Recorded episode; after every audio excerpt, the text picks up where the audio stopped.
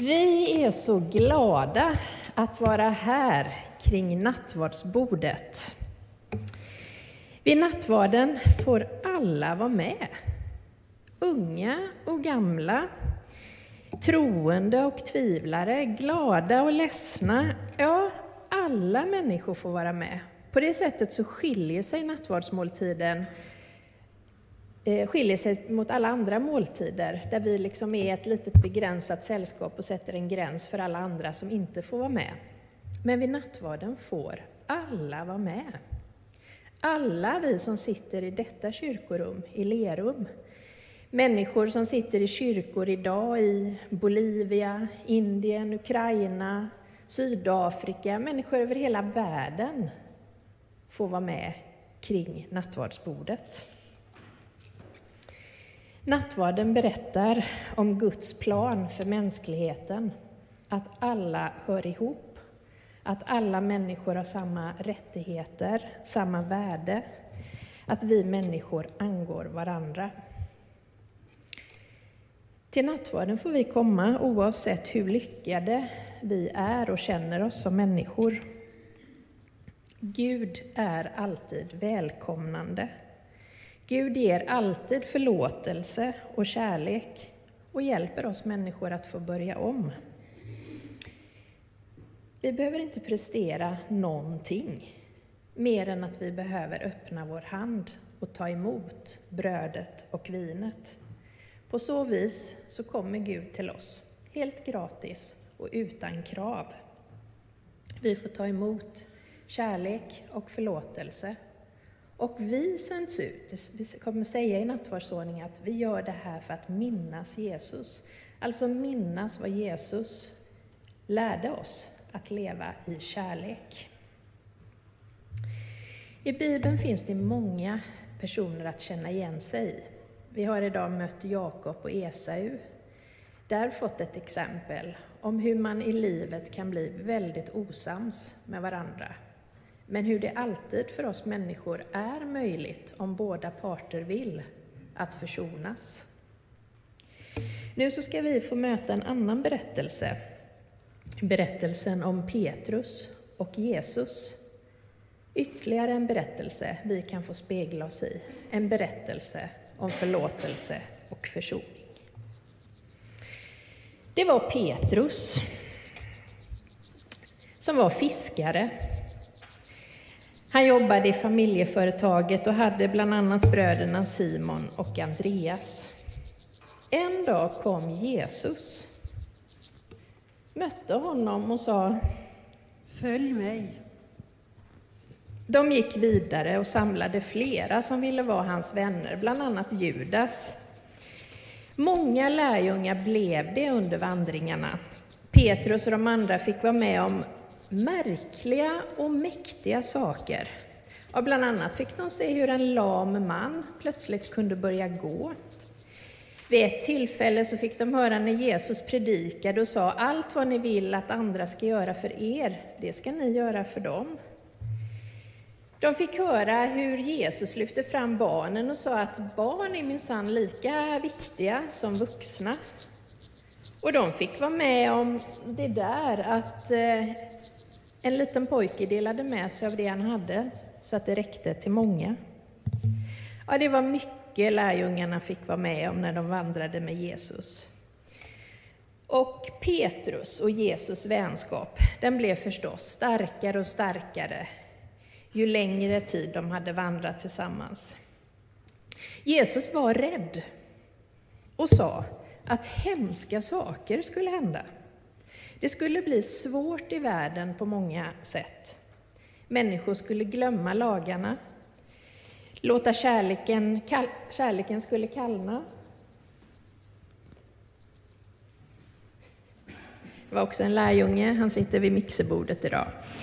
Eh, kärleken skulle kallna. Och så sa Jesus till Petrus och de andra att ja, allt det här kommer hända. Ni kommer bli rädda, det kommer vara brist på kärlek. Men ni ska fortsätta tro på kärlekens kraft och inte vara rädda.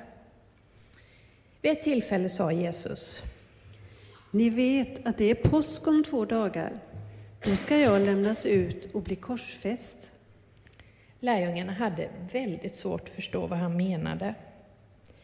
När de hade ätit påskmåltiden sa Jesus. Nu har vi en svår tid framför oss. I natt kommer vi att skiljas åt, men jag har bett Gud att ta hand om er. Kom ihåg att även om allt ser hopplöst ut kommer vi att träffas igen. Ni ska inte behöva klara er helt ensamma. Jag ska ge er en hjälpare. Det är Guds heliga Ande. Petrus lutade sig fram och sa till Jesus. Varför ska du överge oss? Jesus såg på Petrus och sa. Det är ni som kommer att överge mig i natt. Petrus klev fram och sa. Jag kommer aldrig överge eller svika dig, det lovar jag.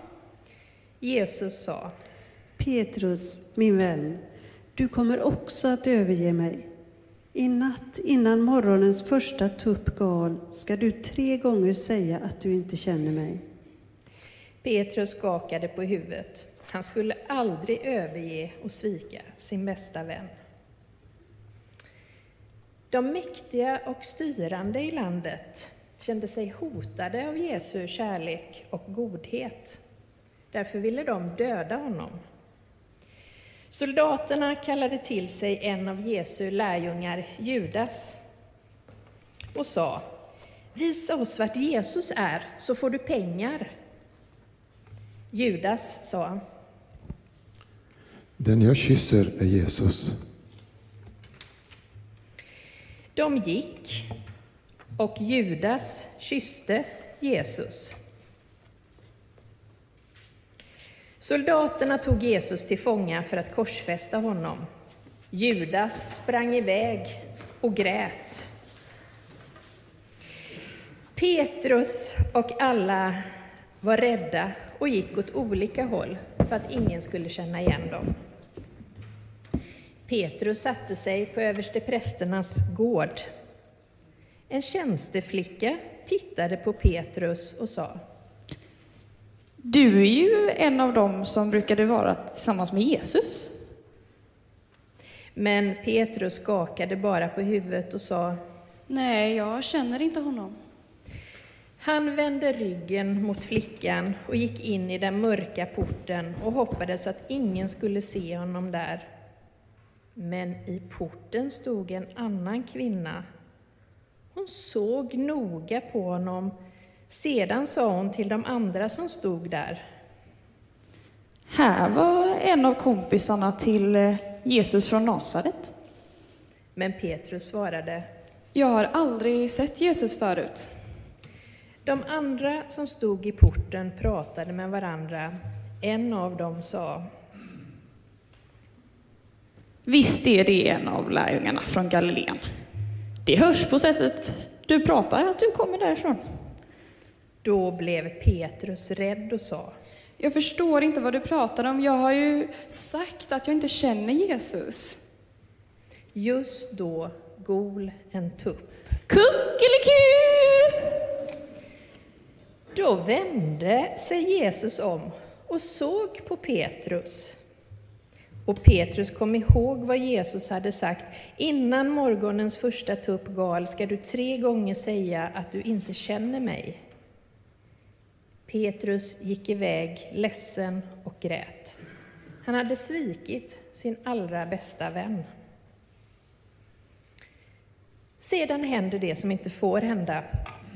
Jesus dör, spikas upp på ett kors, som man ju gjorde på den tiden med de grövsta förbrytarna. Vännerna var ledsna och rädda.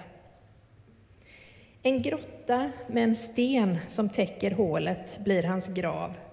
Men plötsligt går det ett rykte om att graven är tom, att stenen är borta. Petrus springer dit. Förvirrad är han och ledsen, vad ska vi nu göra? Han finns inte där. Jesus är inte där. Petrus blir fiskare igen. Han återgår till sitt gamla yrke. Vid ett tillfälle får han vara med om en mycket märklig sak. Jesus sitter på stranden när han kommer in med båten. Jesus har gjort frukost. Och Petrus känner igen Jesus och förstår att, nej men, där är han ju. Han har uppstått, men hur ska det här bli? Han som jag svikit så. Svikit min vän när det väl gällde.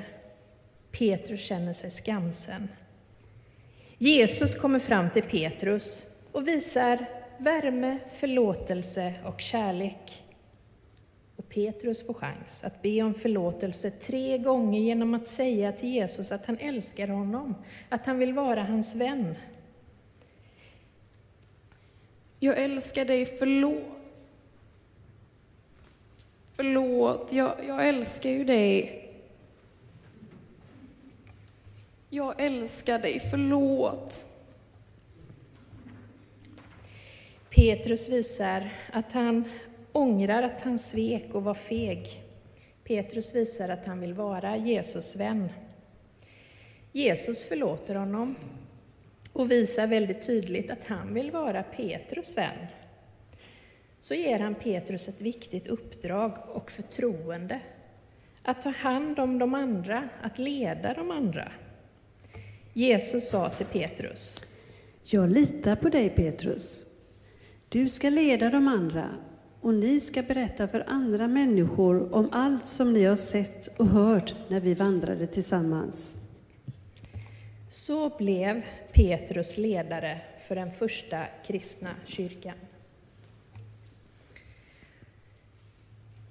Så ger denna berättelsen oss människor ett mönster att leva i. Alla misslyckas på ett eller annat sätt, men vi blir förlåtna. Jesus berättar om att Guds förlåtelse alltid är större än våra misslyckanden. Jesus ger ett mönster för livet. Att leva i förlåtelse hjälper oss att leva i frihet, glädje och kärlek. Vi blir svikna och besvikna. Vi sviker och gör andra besvikna. Genom att säga och göra förlåt, genom att ta emot och ge förlåtelse, blir livet skönare att leva.